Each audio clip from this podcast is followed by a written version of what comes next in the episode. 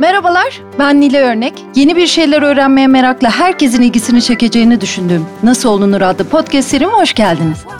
Bu seride mikrofonu mesleklerini ustalıkla icra ettiğini düşündüğüm insanlara yöneltip onlara aynı soruyu soruyorum. Nasıl olunur?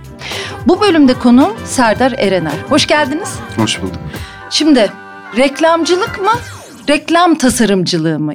Gazeteci bir arkadaşım var benim İsmet Berkan.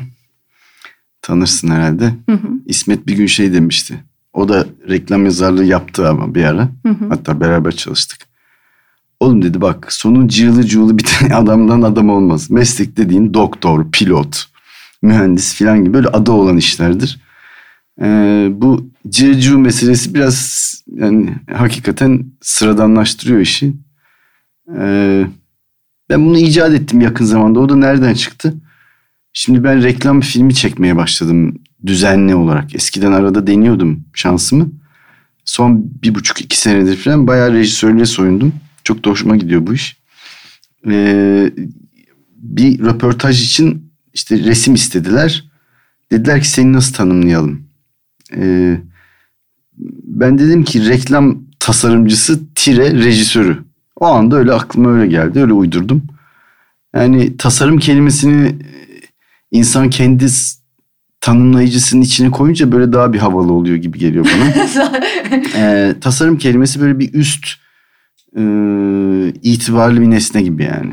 evet. O yüzden öyle iş şakasına söyledim canım. Öyle bir ciddi bir ciddi bir ayrım falan yok yani. Ben ne yaptığımı biliyorum. Onu da anlatırım birazdan. Tamam anlatalım.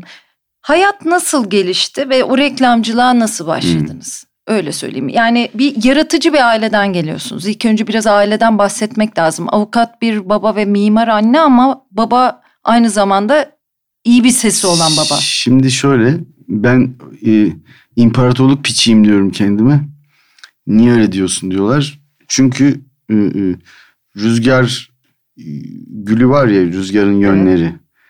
Benim e, ırsım yani genetik mirasıma bakınca e, anne ve baba tarafından e, Anadolu'yu merkez al.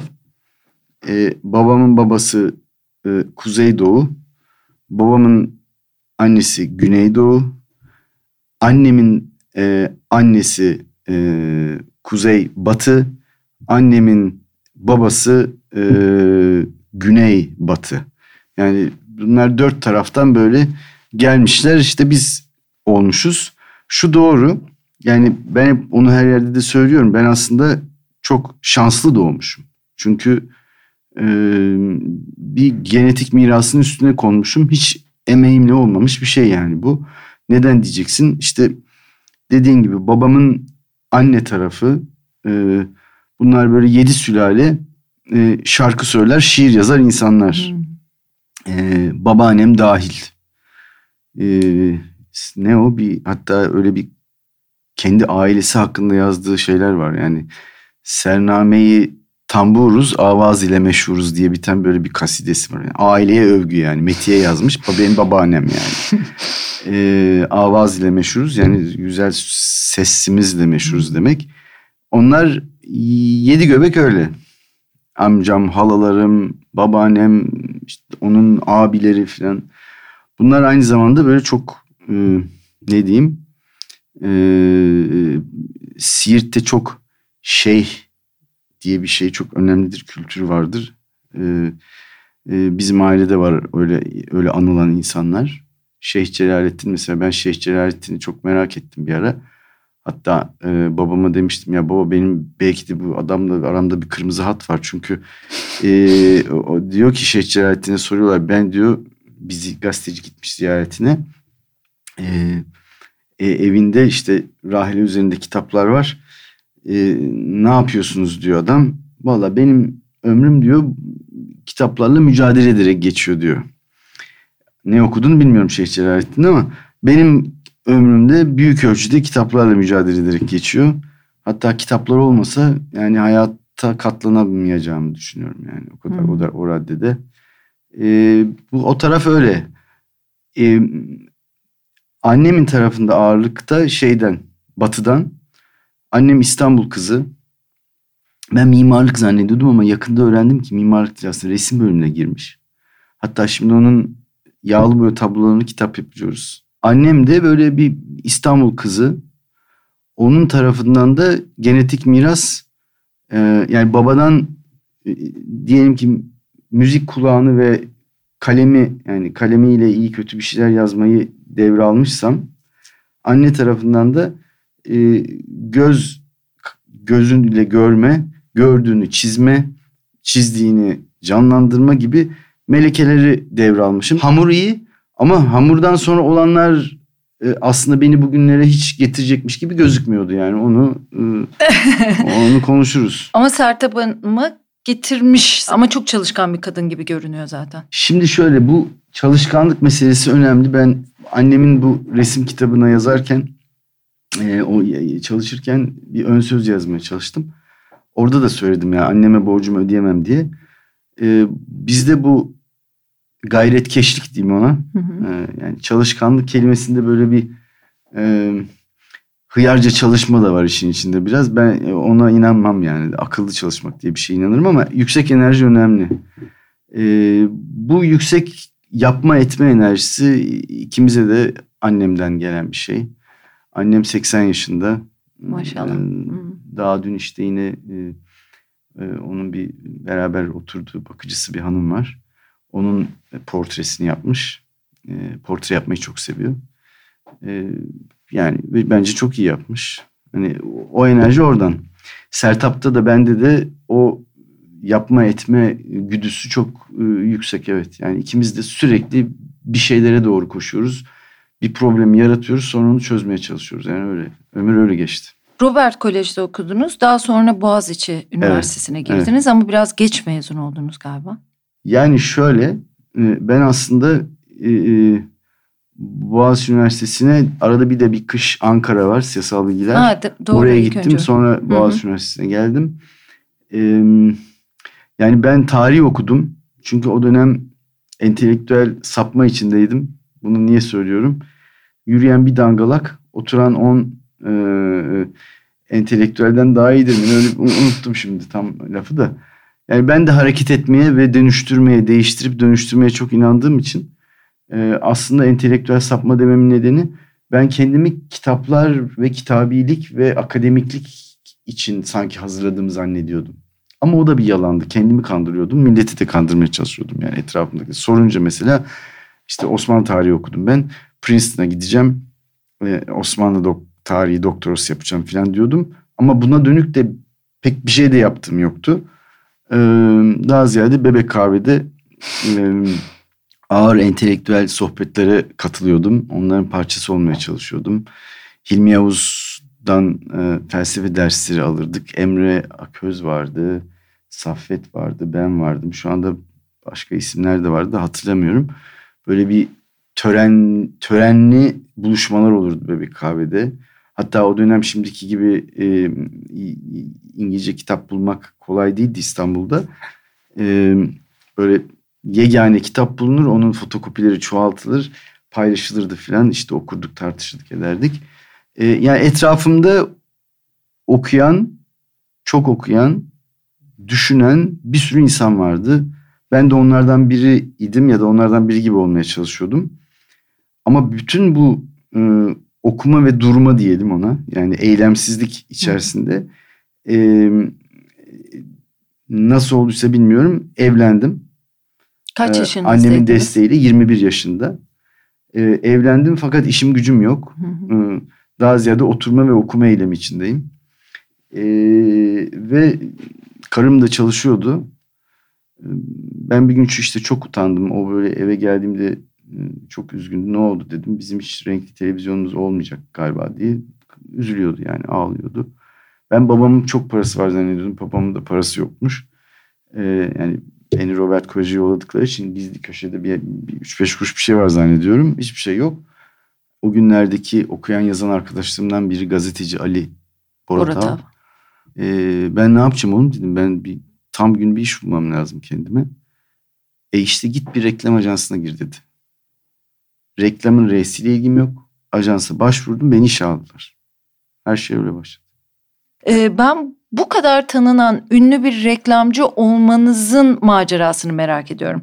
Evet genç yaşınızda bir yere girdiniz nasıl çok hızlı da denilemez ama bir yerde 10 yıl çalışmışsınız vesaire o süreçler kaç şirkette çalıştınız? Çok da fazla değil aslında. Yok yok ben aksine ben e, e, benzerlerimden orada ayrılıyorum yani ben bir orada da şansım yaver gitti diyeyim. Yani nasıl ki genetik miras e, üzerine konduğum bir e, şeyse piyangoysa Maşallah. e, şükür işte de öyle oldu. Ben o ilk girdiğim yerde e, çok az durdum. Çünkü orada ajansın her şeyi vardı müşterisi yoktu. E, oradan bir müddet sonra çıktım. Başka bir ajansa gittim. O ajansta da e, müşteri temsilcisi arıyorlardı. Ben yazar olarak alın beni dedim işe. Biz seni yazar olarak alamayız. Müşteri temsilcisi arıyoruz dediler. O zaman ben ikisini birden yapayım dedim. Patron çok şaşırdı ama akıllı adamdı. Osman Uslu. Ee, kendisini çok severim sayarım. Ee, Osman abi beni işe aldı. Oradan da istifa ettim. Ama kendim yani beni kovmadılar. Niye istifa ettim? Entelektüel nedenlerle. Ee, orada da kendi yapmak istedim. Daha kimim ki ben yani? Hani bir iki senedir reklamcılıkla ilgilenen birisi olarak reklamın nasıl olması gerektiği konusunda aşırı net fikirlerim var ve e, yönetimle bu fikirlerimde uzlaşamıyorum. Dolayısıyla da e, istifa mektubu yazdım. Hı hı. E, Mehmet Ural vardı o zaman yönetici yönetici orada. Çok şaşırmıştı. Dedik Serdar'cığım dedi niye dedi gidiyorsun dedi falan. Abi dedim işte yazdım dedim yani ben dedim kendi takip ettiğim o sırada daha işte internet yok bir şey yok. Amer- Amerikan reklamlarının e, böyle e, yıllıkları var. Onları böyle deliler gibi elimde büyüteçle okuyorum. Yani ilan başlıklarına bakıyorum. İlanların başlıkları yetmiyor. Alt metinleri okuyorum. Hmm. Metinler yetmiyor. Dipnotları okuyorum falan. Bu adamlar bu reklamları nasıl yazmış diye anlamaya çalışıyorum falan. Ve onlara hayranım yani. Öyle öyle olmak istiyorum. Öyle işler yapmak Hı hı. istiyorum. Bizim orası da öyle değil. Yani buradan hani belki çıkacak cümle ne? Yani bu piyango bana genetik olarak vurmuş ama aynı zamanda bir bir piyango daha var. Bence o da piyango. Yani bunun altını çizmek isterim. Çünkü kafayı taktığım bir konu bu. Meraklılar niye meraklı diye. Merak e, sana onu söyleyebilirim. Mer- Merak dünyada en az merak edilmiş konulardan biri.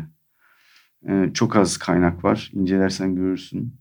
E, merak merak da bir çeşit e, genetik piyango bence.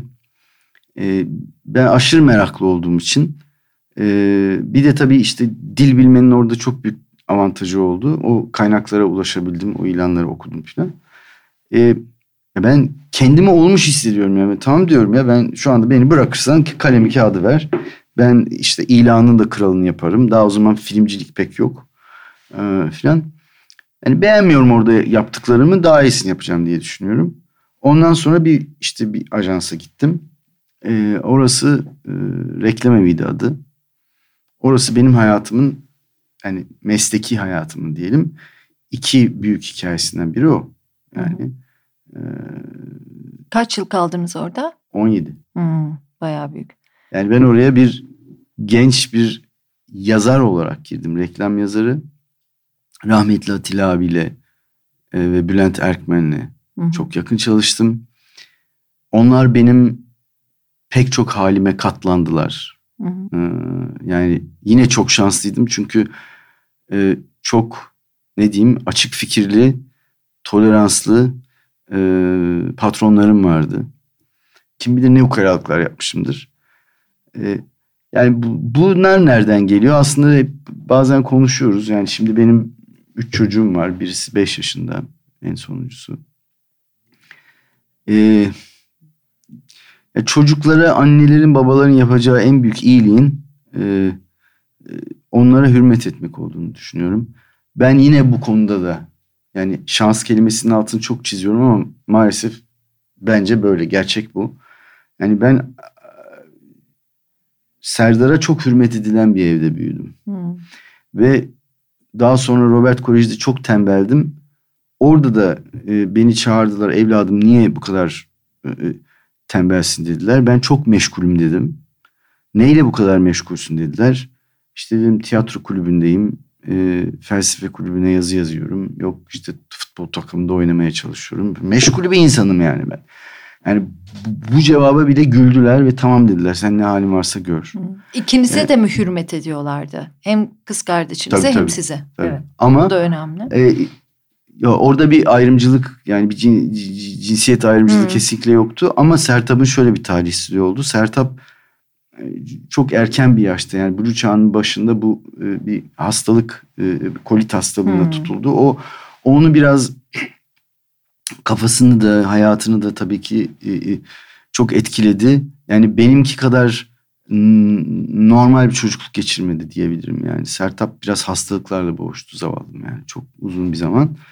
Ee, ama çocuklara hürmetle ilgili öyle bir çifte standart hmm. hiç yoktu. Yani bunu da cebe koyalım ya. Bu da piyangolardan bir tanesi. Şimdi ben o yüzden yani babama sorarlarmış bazen mesela babaannem dermiş ki ya siz de bu çocuğu şu amma şımartıyorsunuz falan. Babamın hep savunması şuymuş yani Serdar hak ediyor bu özeni. Yani biz onu adam yerine koyuyoruz çünkü o, o bir adam yani. Ee, şimdi bunlar hepsi işte yani büyük imtiyazlar bence. Bugün hala bile yani ben kendi etrafımdaki yani varlıklı insanların bile çocuklarına nasıl baktıklarını ya da yetiştiklerini görüyorum. Yani çok çocuk erkili bir e, kültür gibi durmasına rağmen aslında çocuklara pek de e, ama yeni nesil öğreti o aslında. Birey gibi ha, davranın çocuklara şüphesiz, diye kitaplar öyle bu diyor. Yüzlerce hakikaten. böyle kitap hmm. var. Etrafımdaki genç anneler, babalar bu konuda kağıt üzerinde çok özenli Bazen bunu abartan da var tabii. Hı. Yani o kantarın topuzu da kaçabilir. Ben çok ölçülü bir e, Serdar'a hürmetle büyüdüğümü düşünüyorum. O tabii beni şımartmış da olabilir biraz. O yüzden yani be, e, bana mesela Nil şimdi hep der yani senin büyüğün yok hayatta diye. yani belki de o günlerden gelen bir şey. Yani benim büyüğüm yok hakikaten. Yani ben e, ya şimdi bu e, aslında ben e, e, bu Young and Rubicon reklam evi e, daha sonra önce işte Atilla Aksoy ve Bülent Erkmen'le çalıştığım reklam evi evet. var. Ben orada da ilk ajansımdaki gibi ve ikinci ajansımdaki gibi aşırı işte meraklı, iddialı hatta hatta küstah denebilecek bir çocuktum yani. Ee, her şeyi ben biliyordum yani. Orada e, orada Atilla Aksoy benim önümü çok açtı diyebilirim. Yani benim iddiamı alan tanıdı. Diyebilirdi ki ya bu kim bu kendini bilmez çocuk ee, deyip beni köşeye sıkıştırabilirdi, ezebilirdi. Hmm. Üzerimde otorite kurabilirdi. Bütün bunları yapmayıp e, iyi bir antrenör gibi dedi ki ya bu çocuk koşmak istiyor. Sahada ayak basmadık yer bırakmak istemiyor öyle diyorlar ya futbol spikerde. Biz de bunu salalım dedi meydana. E şimdi yani tabiat boşluk sevmez. Ben meydana salınınca o işte annemden miras aldığımız yüksek enerjiyle ben her şeye saldırdım yani büyük bir iştahla. E saldırdıkça da hayat öyledir. Yani sen problemleri çözüyorsan etrafındakiler de aa bu çözüyor o zaman bırakalım o çözsün derler. Giderek senin alanın büyür. Bir müddet sonra bu alanı bir gün kaldıramayabilirsin. Altında evet yük de büyür çünkü. Ama kaldırdıkça kaldırıyorsan da kimse sesini çıkarmaz. E biraz benimkisi öyle oldu diye düşünüyorum. Ee, ve ben orada önce işte çok fazla etraftan böyle e, iş teklifleri falan alınca bir de ben gider Atilla abi her şeyi anlatırdım. Yani benim hayatta ne diyeyim basit temel doğrularımdan biri diyeyim yani içimde hiçbir şey tutmamaktır. Ee, zaten suratımdan da her şey anlaşılır hemen. Ee, içimde bir şey biriktirmem yani. Şüphe de biriktirmem, öfke de biriktirmem, gizli bilgi de biriktirmem, duygu hali de biriktirmem. Ne olursa gider paylaşırım. O için insanı temiz tutuyor. Yani bağırsaklarını temiz tutuyorlar ya şimdi gidip yık, e, e spalara falan gidip. Bence bağırsaktan önemlisi akıl ve ruhu temiz tutmak. Ben gidiyorum Atilla abi anlatıyorum işte Abi şöyle teklif geldi, böyle teklif geldi falan. Bunlardan bir tanesi ciddiydi. Yani beni ortak etmek istiyorlardı. Beni ortak etmek istediklerini söyledim ben Atilla abi. Hatta hiç unutmuyorum. Ee, Yekta lokantası vardı Nişantaşı'nda evet, o. Evet, Şimdi köşede. yok. Alman Köşedeki şey Yekta'ya gittik öğle yemeğinde. Abi dedim işte böyle böyle falan. e, bak dedi artık dedi bu reklamı sensiz zor olur. Ama dedi İngilizce kullandı. Change is the spice of life dedi. Hayatın tadı tuzu değişikliktir. Sen bilirsin dedi falan. Ben kaldım. Fakat baktılar ki tahmin ediyorum o zaman abilerim yani. Ulan dediler bu çocuğu biz tutamayabiliriz. Bir şekilde ona da bir şey verelim yani bir, bir hisse verelim. Ben o hisseyi satın aldım bu arada. Yani kimse bana e, onu hmm. e, ihsan etmedi yani. Peki şunu soracağım. Yıllar kaç ve biz hangi reklamlarınızı biliyoruz? Hmm. Ben sana şöyle diyeyim. Bunlar 90'ların başı. Hı hı. Ortaları olabilir. Hı hı. Evet 90'ların başı. Ve e, henüz o sırada senin muhtemelen bilebileceğin bir reklamımız yok. Çünkü televizyon reklamlarının henüz böyle bugünkü gibi demin de 90'ların sonunda 2000'lerin başında konuşulduğu bir dönem değil ama e, mesela şey yapmıştık o çok hatta Ali Taran benim meslekteki tek pirim olarak gördüğüm kişi bana telefon etmişti. Sen mi yazdın bunu diye. Alırsın Ford olursun Lord diye bir evet. e, kamyon reklamı yapmıştık. E, o dönem. E, çok laf esprisi vardı sanki o dönemde. Laf esprisi e, mi hala da yani şöyle ama yani duvar yazısı e, modunda. Bizim kültür göze değil de kulağa dayalıdır. Hı. O yüzden kulak kulağa giden her şey iş yapar daha Öyle fazla. Mi? Ee, ben ben bizim kültürün o yani bayağı kör olduğunu düşünüyorum yani ortalamada. Yani bayağı böyle gözü kısık yaşıyor herkes bana göre. Ee, sonra tabii ben işte hem yöneteceğime ortak oldum. Sonra bir müddet sonra e, Atilla abi bana da daha da büyük bir alan tanıdı ve İstanbul'da o sıra hiç kimseye de ye verilmemiş bir paye verildi bana. Ben hem genel müdür hem kreatif direktör oldum. Hmm. Yani Ali Kıran Başkesen yani. Ee, o pozisyonda sonra bizim şirketin tamamı Young Rubicon oldu yüzde yüz. Ee, ben de hayatımın ilk işte küçük birikimini öyle yaptım. Çünkü benim hissem de satın alındı. 3-5 kuruş para kazandım. Ee, ve bana bir kontrat imzalatıldı. O kontratta işte 5 yıl ıı, görev sürem vardı. Ben o 5 yılda ıı, hem ben çalıştım hem etrafımdaki herkes de çok çalıştı. Ee, çok heyecanlı. Yani İstanbul'da herhalde benim ismimin önüne işte ünlü sıfatını gazetecilerin koymasına neden olan dönem o. İlk şeydi bu kristal elma canavarı diye bir sevimsiz bir lakap takmışlardı. Ee, Kaç kristal elmanız var? Ama hiç hesaplamadım. Ben ödülleri karşıyım artık epeydir. Yani son 15 yıldır ilgilenmiyorum o konuyla. Ee, sonra o 5 yıl bitti. O 5 yıl bitince bana dediler ki sen iyi gidiyorsun. Yani bize çok da güzel para kazandırıyorsun. hakikaten şöyle diyeyim sana. O dönem biz e, İstanbul ofisi olarak Young Rubicon Avrupa Network'üne ağına en çok karı transfer eden üçüncü ofis olduk. Hmm. Bu İstanbul gibi Türkiye gibi küçük bir ekonomiden o kadar büyük bir reklam ajansı geliri üretmemiz, karı üretmemiz e, herkesi çok şaşırtıyordu. Ben böyle tebrik kartları geliyordu bana. Değişim e, 2000'ler, yılları biraz. 2000'ler yani Hı. 2000'ler. E, o dönem bitince ama çok da konuşuluyordu o dönem reklamlar. E, bravo. Yani biz reklam Bak, bu çok önemli. Şimdi o, o, o nasıldı biliyor musun? Bunu Fransızlar 80'lerde yaşadılar işte. Segere'nin hmm. o meşhur kitaplarını yazdığı dönem. Hmm. Biz de dediğin gibi 95 2000 Aynen, 2005 yani o bir 8-10 yıl reklam konuşurduk yani dizi konuşur Türkiye, gibi. Bravo. Türkiye'nin şehir hayatı da televizyondaki reklamlar bir konuydu. Bir sohbet konusu. Evet. Ee, ben çok şükür yine şanslıyım Şanslı ki bir dönem. o dönemde ben inanıyorum e, şansa da ya gittikçe gidiyor. o dönemde ben e, e, bir sürü ünlü reklamın e, yapımcılarından düşüncü düş, düşünenlerinden bir tanesiydim yani bir ekibin parçasıydım. Yani biz baya böyle bir e, böyle buldozer gibi gidiyorduk yani çünkü bir de Türkiye'nin çok önemli markalarının e, bütçelerini de yanımıza almıştık. Bak o da şanstır yani sen Hı hı. iyi hayal, hayallerin vardır ama müşterinin bütçesi yoktur, imkanı yoktur, cesareti yoktur. Hmm. Biz işte Akın Öngör gibi, Ergun Özen gibi e, garanti tarafı için söyleyeyim.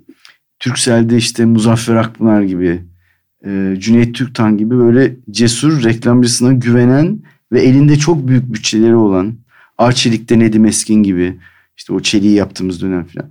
Yani böyle bir e, bütün büyük markaların ya da pek çok sektördeki büyük markanın bize güvendiği Hı hı. bizim e, güçlü hayaller kurduğumuz, onların arkasına güçlü paraların, bütçelerin konduğu böyle bir açıkçası adına öyle koyalım. Yani bir cennetten geçtik biz. Evet altın dönem olmuş. Zaten odan şu, yani bugün konuşursak bugün ondan eser yok. Hı hı.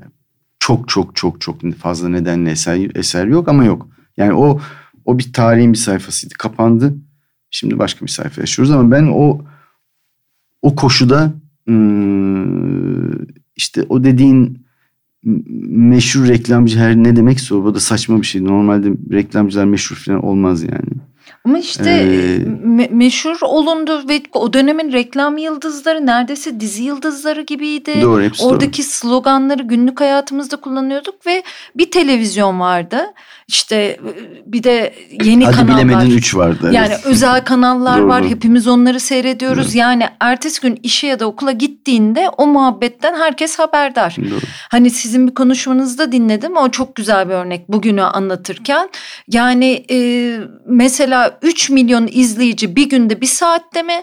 Yoksa atıyorum 3'ü arttıralım 5 milyon izleyici olsun 5 Bir haftada. günde bir hafta mı? Bunu Tamam. işte o e, konuşmayı e, teşekkür ederim bu arada okuduğun için ya da dinlediğin için orada diakronik ve e, senkronik seyir diye öyle bir kavramsallaştırma yaptım. Hı hı. E, diakronik seyir ne yaparsa yapsın senkronik seyiri yenemiyor. Evet. Yani e, biz o senkronik seyrin yani bütün bir ülkeye bir akşamda e, işte Türksel'in serocanlarını ya da ne bileyim garantinin e, sucu çocuğunu göstermenin büyük imtiyazını yaşadık. Yani o bizim aslında medyanın bize verdiği yani o içinde olduğumuz ortamın bize verdiği büyük bir güçtü. Ya sosyolojik çıkarımlar yapılıyordu. Yani özgür kız üzerinden Tabii tabii. e, tabii. bir hayat tarzı Tabii, tarif tabii, ediliyordu. tabii. Günlerce köşe Tabii, yazarları tabii. yazıyordu. Öyle bir dönem geçirdik gerçekten. Evet Türkiye'yi meşgul ediyordu reklamlar. Evet. Şu anda hiç etmiyor. Ha, onu soracağım. Hiç. Yani nasıl e, Hiç. nasıl bir sayfa açıyoruz? Bence Neredeyiz? sayfaya gelelim. Gelelim. Sayfaya gelmek daha enteresan Tamam. geliyor bana. Bana da öyle şu anda daha seksi geldi ama Bana- arada atlamayayım. Benim hayat hikayemden daha ilginç bence olanlar. Uğurcan Ataoğlu'yla. Evet Uğurcan benim e, artık ne diyeyim sana e, kaç sene oldu bilmiyorum. Şimdi 1986'dan bu yana kaç sene geçti? 33. 33 Evet. senelik e, kardeşim, arkadaşım, dostum. E, aklıma bir şey geldiği zaman ilk söylediğim insan. E, onun bu şey de onu da sana söyle altını çizeyim yani bizi dinleyen e, genç insanlar için özellikle. E, bu tek başına bir şeyler bulan insan diye birisi yok. Hı hı. Ya ondan emin olabilirler yani. Hı hı. Hani e, Güzel. öyle biri yok. Hı hı. Herkesin gizli veya açık Hı hı. fikir danışmanları, fikir rakipleri, Hı hı. fikir sırdaşları, fikir paydaşları var. Son 100-150 yılın diyelim ki bilim tarihinde işte birkaç büyük sıçrama var. Ee, bunların bir tanesi tartışmasız Darwin'inki. Yani tabiatın nasıl işlediğini e, keşfetti ve bize fısıldadı. Diğeri de maddenin nasıl davrandığını, ışığın ve maddenin nasıl Hmm. davrandığını keşfetti Einstein. Bu iki adamın da kendi fikirlerine vardıkları sırada arada yazıştıkları, fikir alışverişinde bulundukları Tabii tabii. ve kendi fikirlerini öbüründen saklayarak öne geçmeye çalıştıkları partnerleri var. Hı. Mesela kimse bunları konuşmuyor. Wallace diye bir adam var. Hatta işte Darwin duyuyor Wallace'ın da. Yani okuyor adam çünkü. Aynı şeyleri söylüyor. Hı hı. Ulan diyor parsayı bu kapacak diyor. Wallace'dan evvel kitabını basıyor. Einstein'ın e, relativiteye varışında e, çok önemli e, katkısı olan bir adam var. Hatta küsüyor Einstein'ı. Sen diyor benim hiç ismimden bahsetmedin. e, makaleni yazdığında 1905'te falan. Yani e, zihni açan insanlar var. Ya bu, evet, bu çok çok, çok önemli bir şey. Dolayısıyla ben niye bunu anlattım Uğurcan şimdi? için. Ha, Çünkü yani Uğurcan'la yani... çok farklı gibisiniz aslında. Yani benim çok sevdiğim ve yani bayıldığım bir arkadaşım. Benim Hı. iki kitabımın kapağını da o tasarladı. Evet Uğurcan'la biz baya böyle e, zıtların birliği prensibiyiz yani. Kesinlikle. E, Konuşturamazsın Uğurcan'ı. ben göz, göz gözüktüğü gibi gevezeyim. Uğurcan hiç konuşmaz. Hı hı. Ee, ama e, yani konuşmadan konuşur o. Evet. Ee, evet. Çok şey söyleyebilir. Dolayısıyla ama şimdi Uğurcan özel bir yere koyalım onu vitrinde yani ya da bugün de Uğurcan kadar olmasa da yani benim o e, o ne diyeyim buldozer gibi ha. gittiğimiz zamanlarda yani buldozer buldozerin üzerinde çok e, başka bir sürü genç insan vardı. Hala da var. Yani bu iş ben hep onu diyorum. Yani caz yapmak gibi e, ya da işte saz meclisi kurmak gibi. Yani e, böyle doğaçlama e, birbirinden lafı alıp notayı alıp melodiyi alıp hmm. sonra geri vermece böyle çok eğlenceli bir iş bu. Hmm. beni bu işte en çok tutan şeylerden biri yani ben şu anda 58 yaşındayım. Herhalde çalıştığım insanların yaş ortalaması 30 civarıdır yani 30-35 arasıdır. E, ben onlardan da genç olduğumu iddia ediyorum o ayrı ama yani e, onların enerjisiyle hem gençlik enerjisiyle hem yeni kafasıyla benim işte bir miktar tecrübemin ya da kendimce mesleki doğrularımı falan sürekli çarpışmasında da müthiş bir enerji yürüyor. Yani bu bu insanı çok canlı tutan, diri tutan bir şey. Yani ölene kadar ben böyle yaşamayı e, diliyorum kendime. İnşallah şanslı olduğunuza için. göre Allah nasip eder. Ha, evet şu anda kadar fena gitmedi. Yani e, bir de üç eşiniz var. Şimdi üçü de yani üçü de demeyeyim. Ben ilk eşinizi hiç bilmiyorum. Hı. Serra'yı tanıyorum. Hı. Bayılırım. Çok severim Hı. Serra Akıncı'ya. Ee, Nil Kara İbrahimgil'i görüyoruz. Yani değişik kadınlar. Güçlü kadınlar. Ee, Füsun da, kafaları olan Füsun da çok değişik kadınlar. birisidir. Füsun da e, Füsun şöyle birisidir. E, hmm, bu Gardner'in çoklu zeka teorisine göre konuşursak ki ben çok e, e, yani ampirik desteği zayıf bir teori olmakla beraber ben inanıyorum hayatın öyle olduğuna. Çoklu zeka diye bir şey. Herkesin güçlü olduğu taraflar başka. Güçsüz insanlar da var bu arada. Yani adaletli değil. Dünyadaki genetik miras dağılımı hiç ama hiç ama hiç adaletli değil. Hatta kendi mesleğimle ilgili bir şey söyleyeceğim. Sonra oraya dönelim. Ben şöyle kodluyorum onu. İfade sanatlarında e, genetik mirası güçlü insanların ifade sanatları ne demek? Duygu ve düşünceyi ve hayalleri yazarak, çizerek, müzikle, üç boyutlu vesaire neyse ifade edebilme kabiliyeti. Hı hı. Bu kabiliyete sahip insanların dün insanlığın genetik havuzundaki e, oranının sabit olduğunu düşünüyorum. Buna da Serdar Coefficient diyebiliriz istiyorsan. Yani hatta yaptığım bir hesaba göre 10 binde bir. Yani e, o yüzden mesela reklamcılığı da hani yine burada genç insanlara belki sesleneceksek şunu demek lazım. Reklamcı olup olamayacağınızı iki şeyi kendinizde sınayarak anlayabilirsiniz. Hmm. Bir, başkalarının aklından geçeni ne kadar iyi okuyabiliyorsunuz? Hayat size bunu söyler. Hı hı. İki, onlara bir şey söylediğinizde veya bir şey anlattığınızda veya bir şey gösterdiğinizde veya şarkısını söylediğinizde onların sempatisini ne kadar çekebiliyorsunuz? Hı. Bu empati ve sempati diye şimdi kodlayalım onu kolaylık olsun diye. Bu ikisini benzersiz şekilde kendinizde hissetmiyorsanız bana sorarsanız mesela bu meslek size göre değil. Hmm. Çünkü yani e, ama reklamcılık da o yetmiyor. E, bir de üstüne geri dönüp e, onları etkileyecek sesi, sözü, görüntüyü, şunu bunu filan çok güzel bir araya getirmeniz lazım. Şimdi bunu bir insanın kendinde e, iddialı bir şey söyleyeceğim ama çalışarak var edebileceğini düşünmüyorum. E, o yüzden hayat da aslında bir çeşit casting session. E, şanslıysak doğru rol için e, doğru zamanda doğru odaya girip seçiliyoruz. Hı hı. Değilsek de seçilemiyoruz. e, denklik olması lazım. E, o yüzden insanın Gardner'in yine çok beğendiğim bir şeyi var. E, bu zeka türleri arasında bir tanesi interpersonal diyor.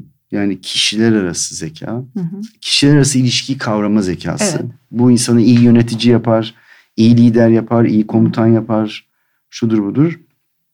IQ, bir de EQ bir de şey. işte ondan daha öteye bir şey Hı-hı. bu bence. Bir de intrapersonal diyor. Hı-hı. Intrapersonal şu. İnsanın kendi içine doğru gidip kendini doğru kavraması. Bazı adam dangalaktır. Kendinin ne olduğunu bilmez. Hı hı. Bazısı da aşırı farkındadır. Peki buradan eşlerin nasıl bağlanacak acaba? Ee, eşleri bypass etmek istedim herhalde burada. Ee, Yo yani edebiliriz Füsun, ama. Füsun'a döneyim ne diyeceğim biliyorum. Ee, Füsun Gardner'in çoklu zekasına göre e, matematik rakam zekasıyla hı hı. E, görsel e, zekayı bir araya getirmiş çok e, e, enteresan bir insandır. Endüstri mühendisidir aslında Füsun. Hı. Ama Hmm, en son yani bildiğim e, Ayvalık'a yerleşti o. Orada e, seramik yapmaya başladı. E, şey, Onları da çok güzel yapar. Serra'nın da e, görsel Serra'da şeyi, müthiş. mozaik yapıyor.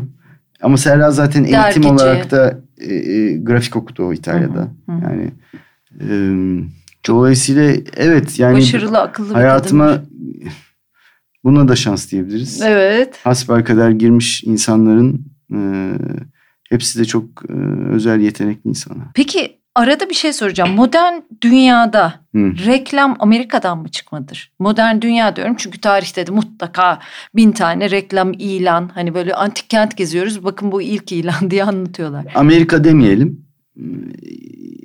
Reklam yani esasen piyasaların büyüdüğü, derinleştiği, malın bol üretildiği, bol satıldığı, Hı. satılmaya başlandığı yerde olmuştur diye düşünebiliriz. Şüphesiz Kuzey Amerika bir yerdir. Diğeri de Avrupa'dır. Ee, yani Fransız afişçiliği mesela. Hmm. Yani işte, işte ünlü ressamların bile para kazanmak için afiş çizdikleri bir ülke. İşte Toulouse-Lautrec'in afişleri hepimiz biliyoruz. Hı Yani e, Amerika demeyelim. Amerika dersek çok doğru olmaz. İşte o Gevliler falan diye hani biraz öyle. Ya şöyle 80'lerin sonu 90'ların başı ya bu reklamcılık nedir diye baktığım hmm. yer tabii ki Amerika. Ama sana şunu söyleyeyim. E, bu da böyle çok altı çizilmeyen bir şey ama dünyada aslında en büyük satıcılar bana sorsan İngilizlerdir. Hmm. Satma sanatının yani paketleme sanatının piri bana sorsan onlardır. E, bugün bile dünyada reklamcılık konusunda ben mesleğimle ilgili hemen her şeyi okumaya çalışan birisiyim.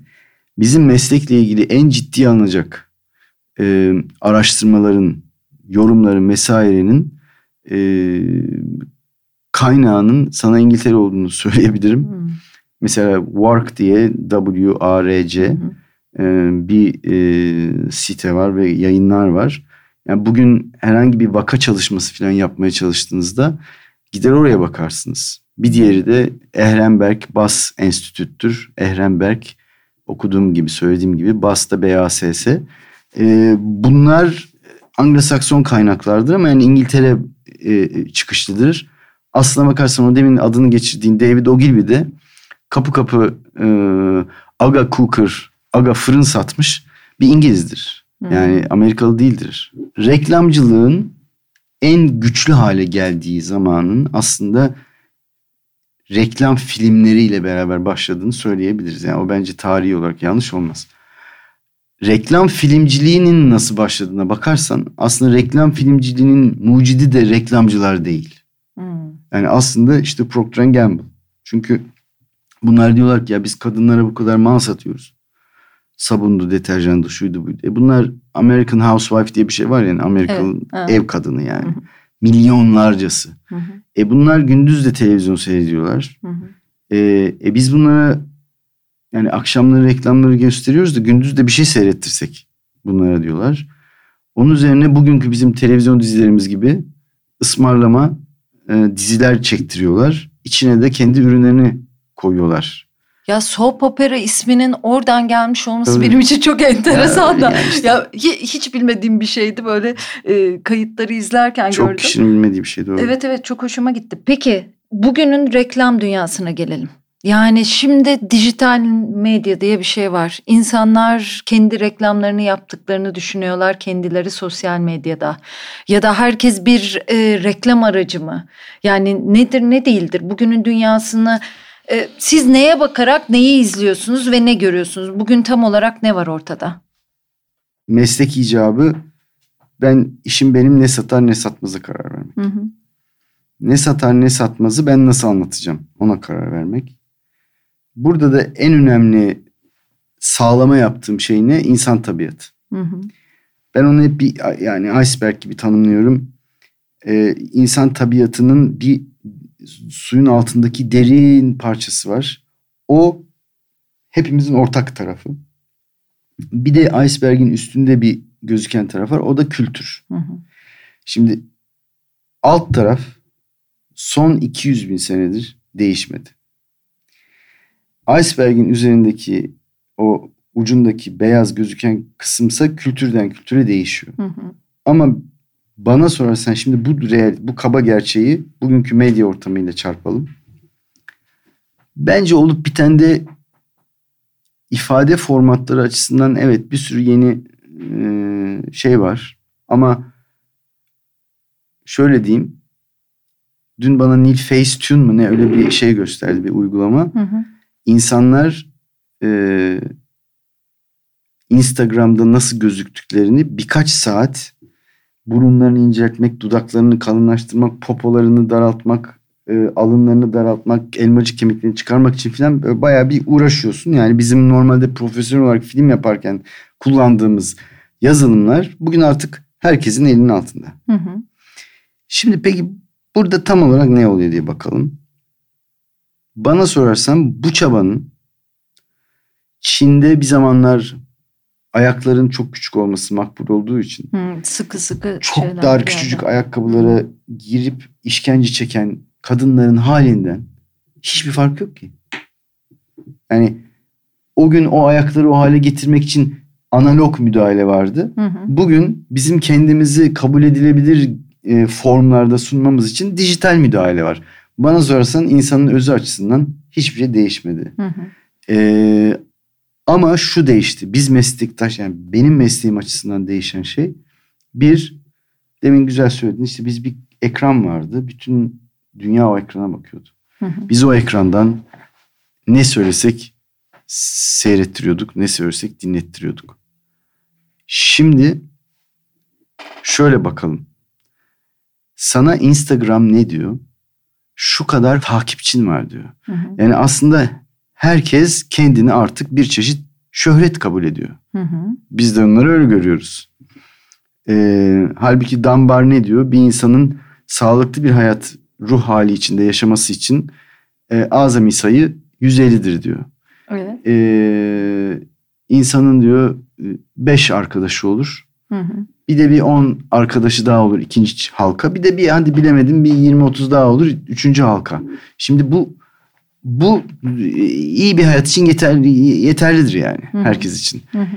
Ama biz şimdi follower'a gidiyoruz. Şimdi biz subscriber'a gidiyoruz. YouTuber diyor ki benim şu kadar milyon subscriber'ım. Bir anda bize teknoloji herkesin şöhret yani işte çok klişe artık ama ben de söyleyeyim yani Andy Warhol demişti ya bir zamanlar herkes 5-10 dakika Hı hı. ünlü olacak diye. Onu, o niye dedi bilmiyorum ama bu oldu yani. Şu anda herkes şöyle oldu. Her, bunun olabilme ihtimali belirdi. Hı hı. Ama ben deminki tezime geri döneceğim. İfade sanatlarında genetik havuzda kabiliyetli sayısı sabit oranda olduğu için evet nüfus artıyor. Ama bence bu 10 binde bir pek değişmiyor. O yüzden de ben YouTuber olacağım ve reklamlardan payımı alıp zengin olacağım diye heves eden. Instagram'daki takipçilerimle e, köşeyi döneceğim, yırtacağım diye heves eden insanların çoğu bunu yapamayacak. Peki e, iki üç şey soracağım. Ama heves edecekler doğru. Şimdi e, bana göre değişen şeylerden biri şu. Her şey değişmemiş olabilir. O bir algı olabilir. Temelde e, belki de değişmeyen şeylerden yola çıkmamız gerekebilir. Hani Reklamcı öyle, çok... satıcı öyle yapar. Evet. Yani satıcı satıcı bir değişmeyeni anlar, kavrar. Bir de değişeni anlar. O ikisinin denklemine koyup cümlesini kurar yani evet, zaten. Biz değişeni çok konuşuyoruz, değişmeyeni az konuşuyoruz. Bravo. Ya. Niye biliyor musun? Çünkü değişmeyen o kadar büyük ve ağır ki. Hı-hı. Onu konuşmak kimseyi eğlendirmiyor. Hı. Halbuki ben de diyorum ki bir hakikat bekçisi olarak, bir hakikat eri olarak benim her zaman bugünkü sohbette de başka sohbette de her zaman baktığım şey tam olarak ne oluyor? Ben yani hep kendime sorduğum şey bu. Tam olarak ne oluyor? Ne değişiyor ne değişmiyor? Peki ben şöyle bir şey görüyorum. Bana göre Hı hı. Benim tarafımdan bakınca bir hı. gazeteci olarak medyası da değişen bir insan olarak değişmeyen şey bence içeriye, hikayeye her zaman ihtiyaç duyulacak hı. gerçek içeriye hı. yani hı. E, gerçeğe. Ama bir taraftan da şu anda şunu hissediyorum. Bir işi yapıyoruz. Onu aynı zamanda biz göstermek zorundayız. Şimdi neydi? Ben çeşitli medyalarda çalıştım. Çok büyük gazetelerde çalıştım. Ben o yazıyı yazıyordum onu tanıtma, anlatma, dağıtma görevi gazeteminde değil tamam. mi? Hani milliyette işte vesaire. Şu anda ben kendim yazıyorum kendim bunu dağıtmak, kendim göstermek durumundayım. Şimdi öyle bir döneme geldik. Bunu yapamayanlar da sudan çıkmış balık gibiler bir taraftan bizim tarafta. Diğer taraftan geçen gün bir basın toplantısına katıldım. Çok büyük bir e, bankanın e, genel müdürü bize şunu soruyor. Bir grup gazeteciyiz ama yemek sohbetli bir toplantı. Ya dedi biz ne yapacağız? Nereye ilan vereceğiz artık? Yani gazetelerin bizim için anlamı kalmadı ama diğerini de sütün santim olarak ölçemiyoruz. Şimdi bu durumda ne olacak? Yani bu işimizi kendimiz anlatmak zorundayız. O zaman bir reklamı da öğrenmek zorundasın. Onun dağıtımı nasıl oluyor onu öğrenmek zorundasın. Etrafı izlemek zorundasın. Yani mesela ben Instagram'ırlarla hani bunu iş olarak yapan insanlarla muhabbet ettiklerinde hepsi küçük araştırmacılar. Yani kendileri verileri alıyorlar. Mesela sabah paylaşırsam şu kadar e, izleyici görüyor. Akşam paylaşırsam şu. E, kendimi içine koyarsam fotoğrafın daha çok bakılıyor. Ondan sonra yazı koyarsam kimse okumuyor. Twitter'da şöyle paylaşım. Herkes küçük birer araştırmacı.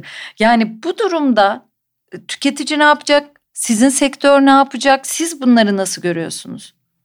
Valla bir kere alışverişçinin e, esasen en önemli kanaat kaynağı reklam değil. Hiçbir zaman değildi. Hmm. Orada biz birbirimize soruyoruz önce değil mi? Hmm. Sen bir kıyafet alacaksan ya da bir hastalığın varsa. Evet yani. bir model arıyor. E, hayır bazen. birine soruyorsun. Evet, yani evet. bir, bir güvenilir kaynağın var. Bu evet. güvenilir kaynakta genellikle ya ailede biridir ya fikrine, tecrübesine güvendiğin birisidir. Ee, yani Anladım, ya da işte evet. şimdi ne yapıyorsun? Ee, arama motoruna başvuruyorsun, Google ediyorsun. Önce bir bakıyorsun. Hı hı. Zaten herkes öyle yapıyor. Artık alışverişçinin seyahati denen şeye incelediğinde yani sosyolojik hı. olarak e, kimse hmm, ben şimdi oturayım bakayım reklamları sevdiğim oradan aldığım bilgiye göre kanaat geliştireyim demiyor yani. Hiçbir zaman yapmadık zaten bunu. Burada şu doğru ama yani alışverişçi açısından bence ıı, Birincisi zaten biz hep önce birbirimize sorduk. Fısıltı gazetesi en önemli evet. reklamdır. İkincisi arama motorlarından medet umuyoruz şu anda. Eskiden eş dosta sorduğumuzda bir de şimdi arama motoru dahil oldu. Ee, benim burada dipnot olarak korkunç bulduğum yeni dünya düzeniyle ilgili e, bunda böyle hücrelerimle de hissediyorum yani. Bu kim kime dumdumalık hı hı ee, Cem Dinlenmiş'in köşesi diyor kim yani bu dum kim kime dumdumalığın içerisinde e, şu oldu. Herkes bunu konuşuyor ama ben de söyleyeceğim. Herkesin kendisine benzeyenle konuştuğu bu evet. yankı odaları hmm, çıktı ortaya. Mevzu. bu evet. bana sorarsan şuna neden oldu. Yani müthiş bir bir örnekliğe tabiatta bir tane prensip var. Darwin'den öğrendiğimiz. Bizi de ayakta tutan şey e, genetik şifremizi sürekli değiştirebiliyor olmamızdır. Hmm. E, DNA zincirimizi. O sayede ayakta kalıyoruz. Bu farklılıkların e, birbiriyle buluşmasını gerektiriyor. Farklılıklar birbirlerini hamile bırakmak zorunda. Hmm. Şimdi bu aynılıklar e, hastalığa yol açar. Yani hem maddi hem manevi hem akli hem bedeni hem ruhi hastalığa yol açar. O yankı odaları şu anda ona götürüyor Hmm. bizi. Ama şeye dönersek markalara yani markaların işi hmm, bence çok zor bundan sonra. Yani işte geçen gün mesela bir bizim bir markamızın Instagram sayfasında bu hep oluyordur sen de görüyorsundur. Sen oraya bir şey söylemişsin.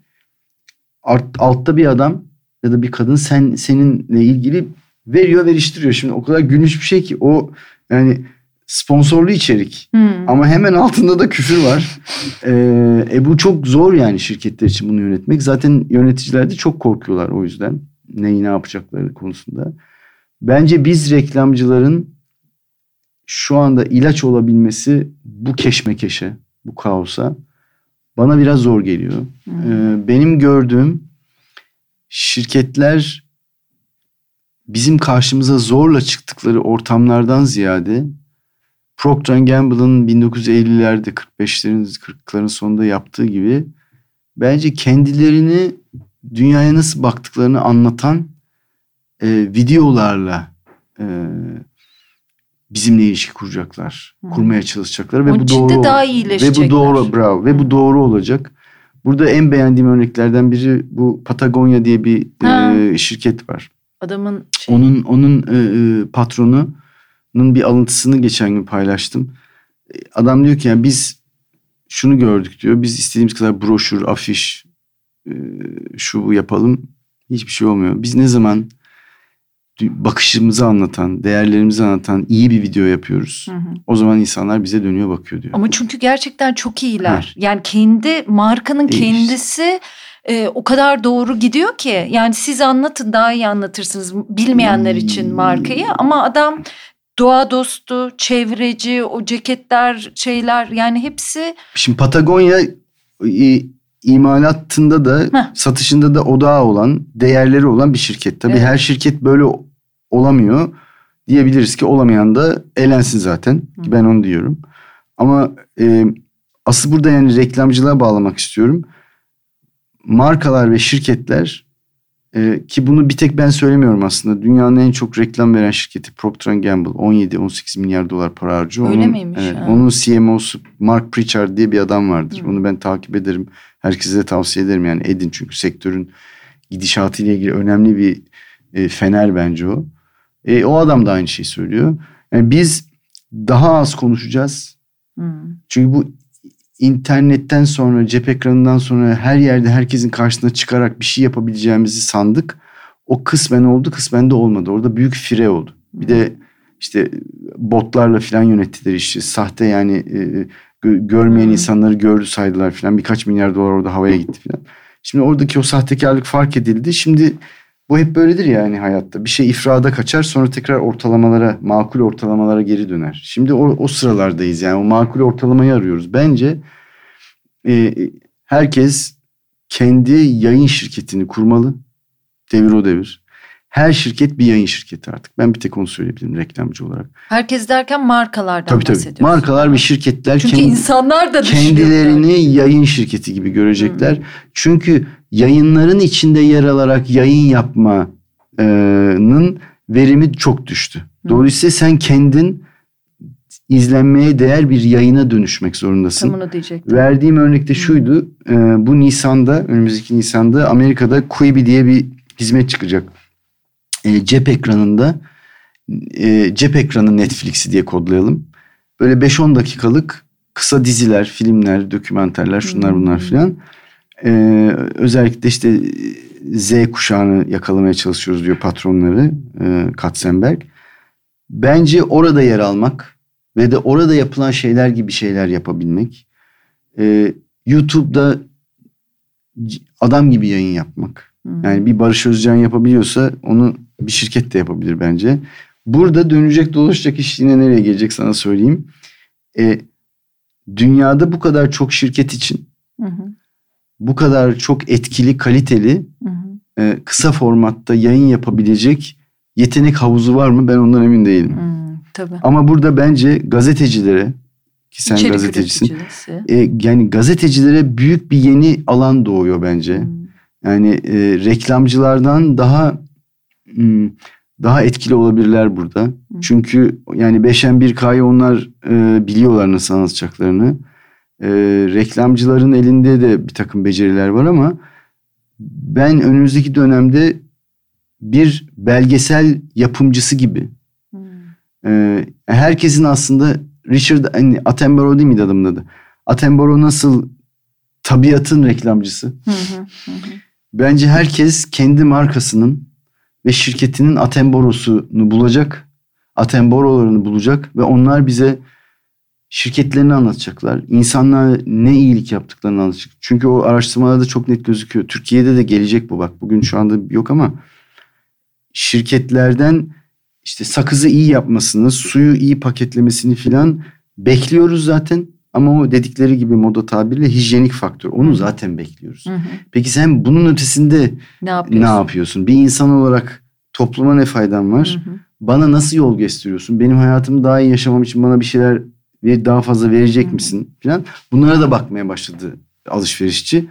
Bunları iyi anlatanlar bence yeni dönemin e, reklam demeyelim artık ona. Yani reklam çünkü böyle biraz kendini övmek, biraz işte bir iki şakayla karşı tarafı içeri alıp sonra da e, çaktırmadan bir şey satmak falan gibi anlaşılıyor ya. Onlar artık bence olmayacak. Çünkü onları yiyen yok. Hmm. Eğlence her zaman eğlencedir. Reklam eğlenceli olmak zorunda çünkü şimdi düşünsene biz burada sohbet ediyoruz. Reklam nedir? Reklam biz seninle laf ederken aradan karışıp MacBook Pro'nun reklamını yapmaya çalışan birisidir. Yani ben niye dinleyeyim ki bunu? Yani ancak aa çok sevdiğimiz birisidir ikimizin de. Hı hı. Bakarız belki bir ihtimal. Hı hı. Veya bize hiç beklemediğimiz, bilmediğimiz bir şey söylemeye başlar bakarız ama ortalamada bakmak istemediğimiz birisi. Tabii reklama atla dönemi zaten. Eğlenceli de değil. Dolayısıyla e, evet. e, reklam olmayan reklamın e, ve yayıncılığın dönemi. Çok güzel. Bunu kim nasıl başaracak? Bence gazetecilerle reklamcıların, medyanın içinden gelen becerikli insanlarla bizim gibi e, parlatma işinde olanların e, veya satıcı fikri arayanların beraberliğinde ben bir büyük erdem olacağını ya da şirketlerin buna ihtiyacı olacağını düşünüyorum. Evet sizler daha kısa anlatabiliyorsunuz. Biz hikaye daha uzun kurmaya alışığız bazen. İşte bir orta yol bulacağız. Çünkü evet. şunu da biliyoruz. E, yani e, e, MTV'den sonra daha doğrusu popüler şarkı formatı 3 dakika ya. Hmm. O 3 dakika evrensel bir şeye dönüştü reflekse dönüştü. Hmm. 3-5 dakikaları arar olduk. Aslında bu videolardan sonra oldu. Yani e, müzik kliplerinden sonra alıştı insanlık buna. E, o da biliyorsun tesadüfidir yani o 45'liklerin o kadar uzun Bob Dylan Hurricane şarkısı aklıma geldi 9 dakika. ya onlar nadirdir. 9 dakikayı kimse dinlemiyor. İşte 3-4 dakika bir şey dinliyoruz. O hadi bilemedim 5 dakika o 5-10 dakikalar hadi 10 diyelim. Hı hı. İçerisinde biz sana kendi şirketimizle ilgili ne anlatacağız ki? Hı hı. Ee, sen bizim hakkımızda iyi düşüneceksin. Bence yeni dönem böyle bir yayıncılık, bunun adına yayıncılık diyelim artık. Hı. Yani reklamcılık e, öldü yaşasın yeni reklamcılık diyorsak hı. klişeyi kullanalım. Yaşasın marka yayıncılığı diyorum. Benim kodlamam şu anda bu. Sizin sosyal medya hesaplarınız var mı? Şahsi? Evet. Yok. Hmm. Bir, bir hesap gördüm Instagram'da ama böyle ee, siz gibisiniz ama kullanmıyor ben, gibisiniz gibi. Ben takipçiyim sadece. Yayın yapmıyorum. Aa, stalk. Dik, Öyle dik, bakıyor musunuz? Dik, dikizliyorum her şeyi. Her şeyi dikizliyorum ama yani takip ettiğim şeyler zaten e, ağırlıkla yayınlar. Hmm. E, bir de e, büyük oğlum e, bana, bana gösterdi 20 yaşında. O New York'ta o harika bir illüstratör. Hmm. Muazzam şeyler yapıyor. O bana Kendall Jenner'i tan- tanıtmıştı. Ben şimdi Kendall Jenner'i takip ediyorum. Yani benim Instagram'da işte BBC e, var ve Art Brut var. Arada Kendall Jenner var. Sonra başka yine ente- entelektüel şeyler var. Böyle biraz karışık. Neler izliyorsunuz, neler okuyorsunuz? Yani bu ıı, yayını dinleyenler için de söylüyorum. Mesela gün, bir gününüz nasıl geçiyor? Sabah kalkıyorsunuz ne okuyarak ya da ne izleyerek başlıyorsunuz? YouTube'la mı başlarsınız? Bir şey mi okursunuz? Yoksa günlük veya yabancı Vallahi ben, gazete mi bakarsınız, ben, yerli mi bakarsınız? Ben e, bir kere güne erken başlıyorum. Yani bu yine çocukluktan beri olan bir şey ve yine şanslı olduğum bir şey. Hmm. Yani diyeceksin ki ama çok şans dedin ama öyle. Ee, Hatta yeni öğrendim bunu. 4-6 saat arası günlük ortalama uykuyla yaşayabilmek bir çeşit genetik mutasyonmuş. Hmm. Ve şu andaki e, tespite göre 4 milyonda bir görülen bir şeymiş bu. Hmm. Bize işte denk gelmedi. 7 milyarı böl yani 4 milyona. Şans. Şimdi bana bu denk gelmiş. Hmm. Dolayısıyla ben 5-5,5 e, saatle normal hayatımı hmm. devam ettiriyorum. O yüzden de sabahım erken başlıyor. Ee, sabah 5 ile 8 arası diyeyim. 2-2,5 saat vaktim var. 3 saat vaktim var. Orada okuyorum ben. Ne okuyorsun dersen e, ortalamada 2-3 kitabı aynı anda okuyorum. Hı hı. E, ne okuyorsun dersen ben deminden beri yaptığım bu ukalalıkları arttırabilmek için hı hı. yeni done peşindeyim. Hı hı. Bir o 200 bin yıllık insanı nasıl daha iyi anlayabilirim? Hı. Dolayısıyla kendimi nasıl daha iyi anlayabilirim? Dünya nereye gidiyoru kavramak için mesela Çin bana sorsan şu anda Çin Çin'de olup bitenler hmm. e, bütün Batı intelijansiyasını bence denize döktü. Çünkü ezberlerimizin hepsini bozdu. Orada bir tekrar Çinliler yani 2-3 bin yıl evvel kurdukları o büyük medeniyetin yenisini bir şekilde kuruyorlar. Hmm. Biz Amerika'ya bakarken onlar evet, alıp başlarına gidiyorlar. Ben bunu biriyle konuşayım bu Çin meselesini. Ee, Çin'i çok iyi bilen birisini bulman lazım. Çünkü hmm. bence e, şu anda anlaşılması ve konuşulması gereken asıl yer orası gibi geliyor bana. E, çünkü işte bize ne dendi? Hepimiz hangi ezberle büyüdük? Hı. Serbest piyasa, e, temsili seçimler, Hı. demokrasi. Bunlar bir böyle bir ürün gibi yani ne denir? E, üçü bir arada gibi, dördü bir arada gibi bir üründü bu.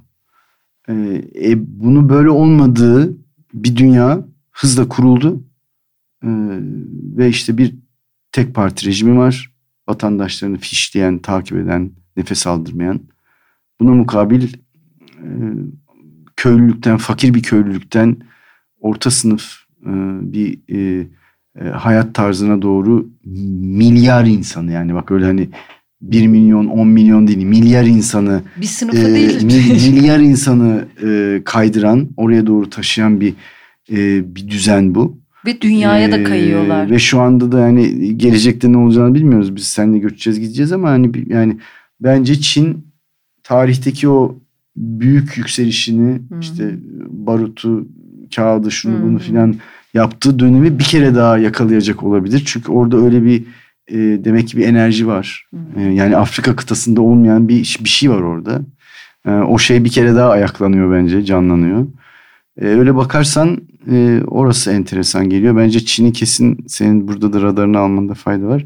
Yani ben böyle bir araştırmacı gazeteci gibi hmm. kendi aklımı, ruhumu e, geliştirecek şeyleri okumaya çalışıyorum. Kavrayışımı yani benim için e, anlık okumaların hazından ziyade hı benim kavrayışımı ve kül yutmazlık katsayımı e, yukarıya çekecek şeyler okumaya çalışıyorum diyeyim yani. Peki siyaset insanı yani güncel ve siyaset diyeyim hatta ona insanı aşağı çeken bir şey bugün. Yani çünkü sürekli değişiyor, sürekli Hı. bir kavga, kaos Hı. var.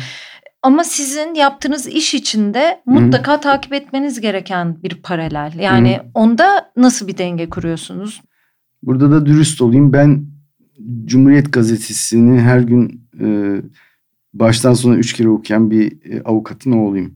Hı hı. E, dolayısıyla tabii ki çocukluğumdan çok erken yaştan itibaren memleket siyasetiyle işte ne olacak bu memleketin hali sorusuyla kendimce ilgilendim. Hı hı. E, hatta yani fazla ilgilendim diyebilirim. Hı hı. Son 3-5 senedir 3 senedir diyeyim hatta. Hmm, biraz oradan kendimi çektim. Yani e, güncel olup bitmelerin, hayhuyların, e, itiş kakışların e, tarihin büyük nehrindeki etkisinin e, çok büyük olmadığı kanaatindeyim. E, geçen gün bir arkadaşıma söyledim. Ben dedim e, güncel bakış açısından biyolojik bakış açısına geçtim. Hı hı. Kendimi öyle tanımladım yani.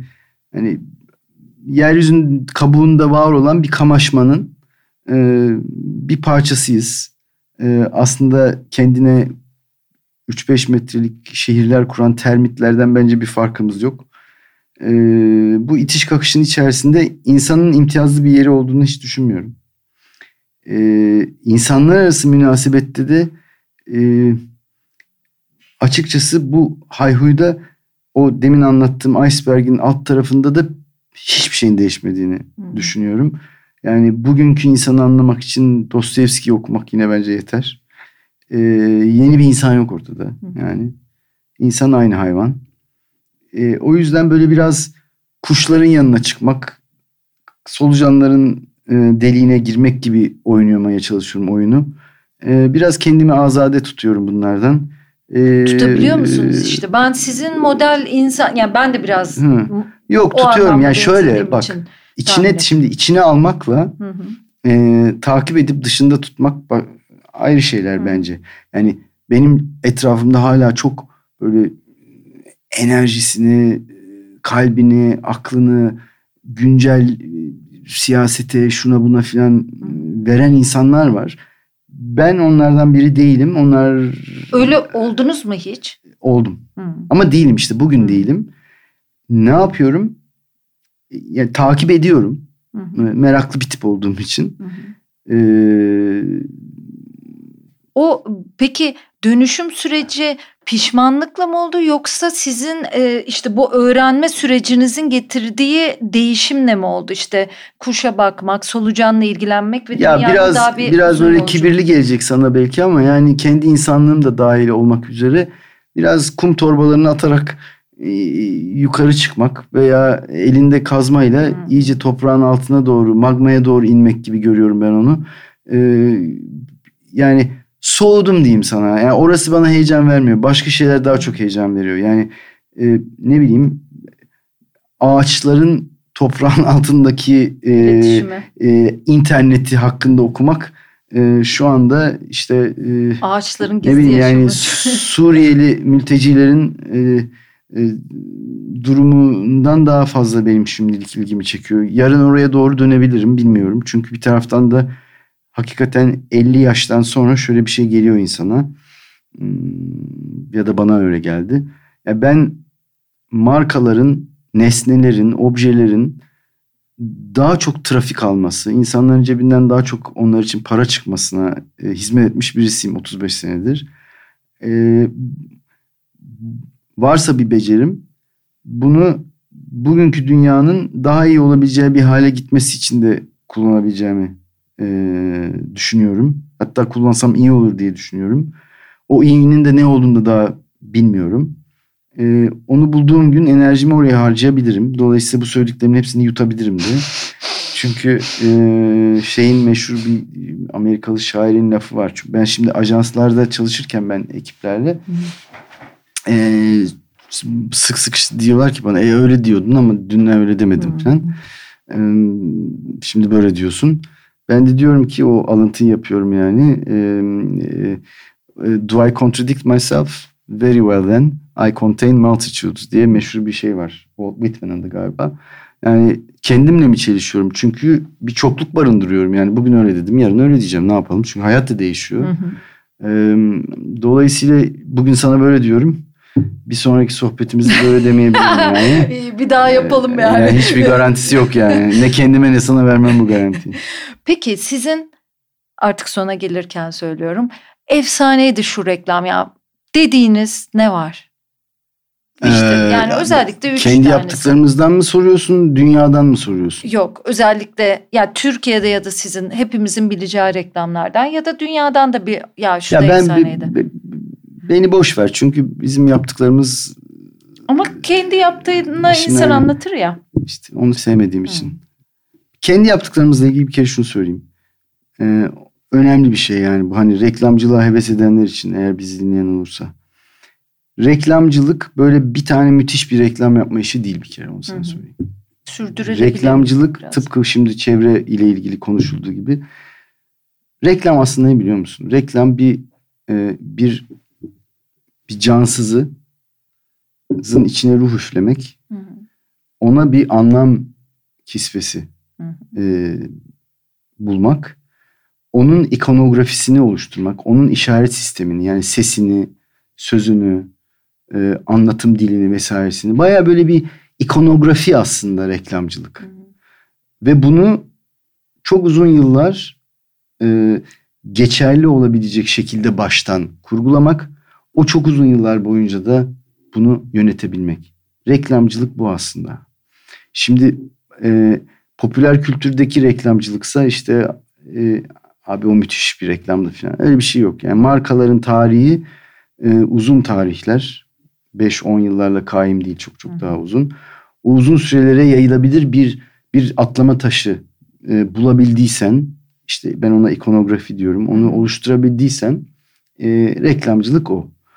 E, öyle baktığında ben şeyle gurur duyarım. Yani bugün Türkiye'nin hala e, baktığı, bildiği pek çok popüler markanın ikonografisini bulan ekibin içindeydim. Dolayısıyla benim için asıl gurur vesilesi odur. E, yani bir gurur varsa bu işin içinde.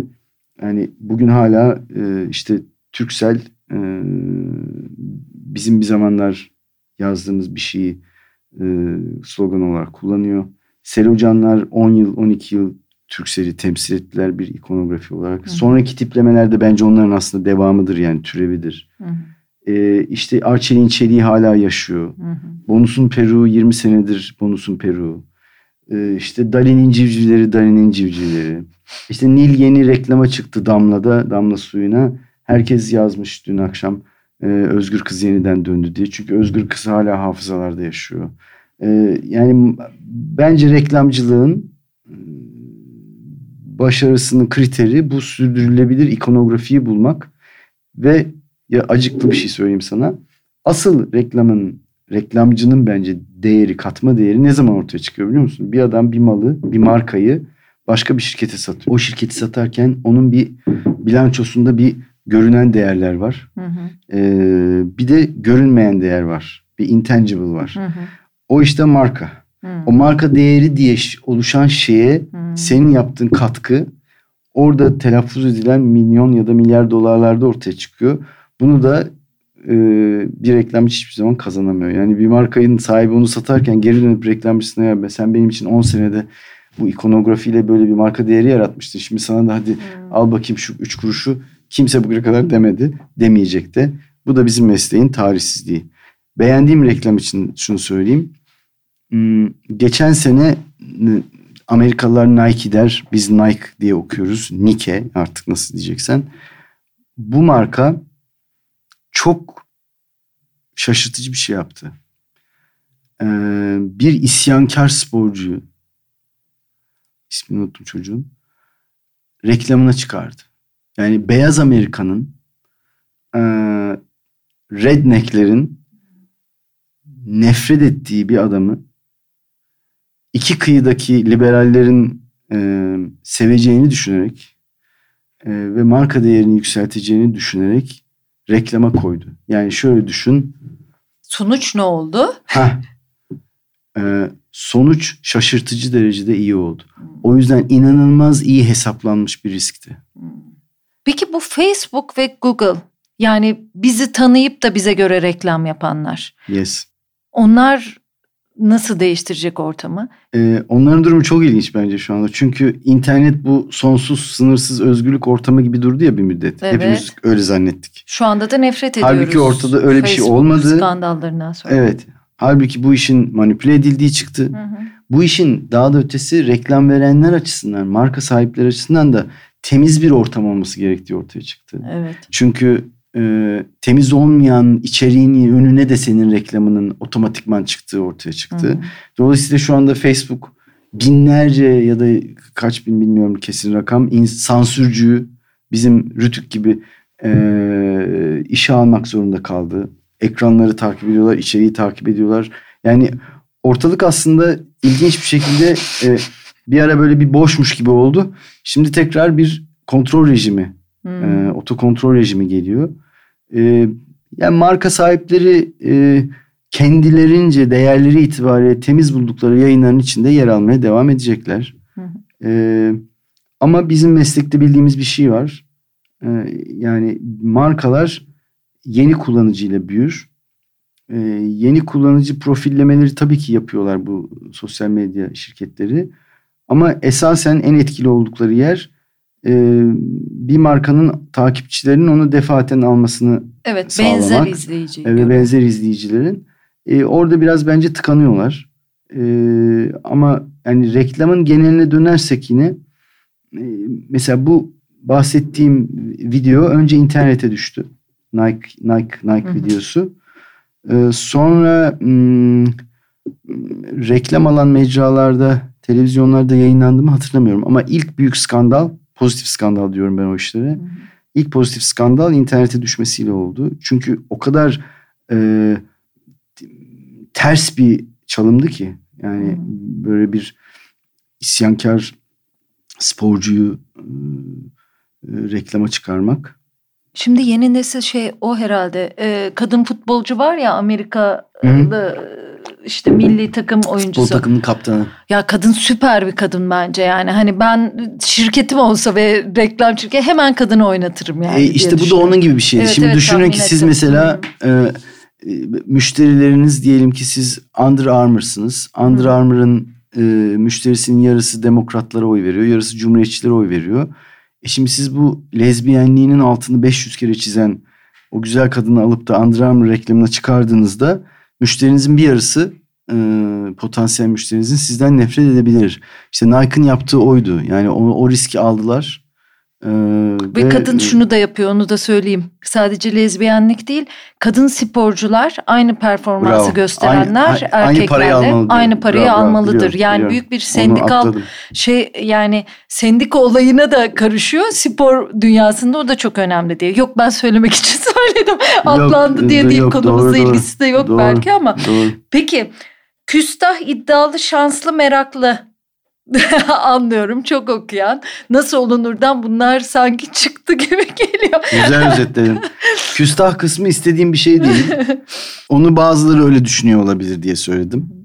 Yani biraz gençlikten bahsederken iddialı ve küstah kullanmıştık. evet, evet doğru. Ama ben de gençken benzer bir durumum vardı ve yani hani Nuri Bilge Ceylan'ın son filmindeki çocuğun bir absürt e, bazen de olmayacak lümpen davranışları vardı Hmm. ya. Yani hani kendimi görmüştüm mesela o filmde onu. Ya gençken böyle miydim acaba? Bu kadar bilgisiz mi iddialıydım yoksa iddialı iddialı mıydım diye düşünmüştüm. Oluyor. Şunu söyleyeyim ama belki sen lafın da sonu olsun. Hani nasıl olunurun Evet. E, bence cevabı Uzun bir yayın yaptık e, çünkü ama verelim o cevabı. Nasıl olunurun bence cevabı kendini hayata dayatmakla oluyor. Hmm, çok güzel. Kendini hayata dayatmak da biraz e, o saydıklarının olmasını gerektiriyor sanki. Evet. Cesaret de istiyor. Aynı reklamcılık gibi. Çok teşekkür ediyorum ya. Güzel bitirdik bence. Bilmiyorum artık. Top bence sende. güzel bir yayın oldu. Top sende. Tamam bende olsun.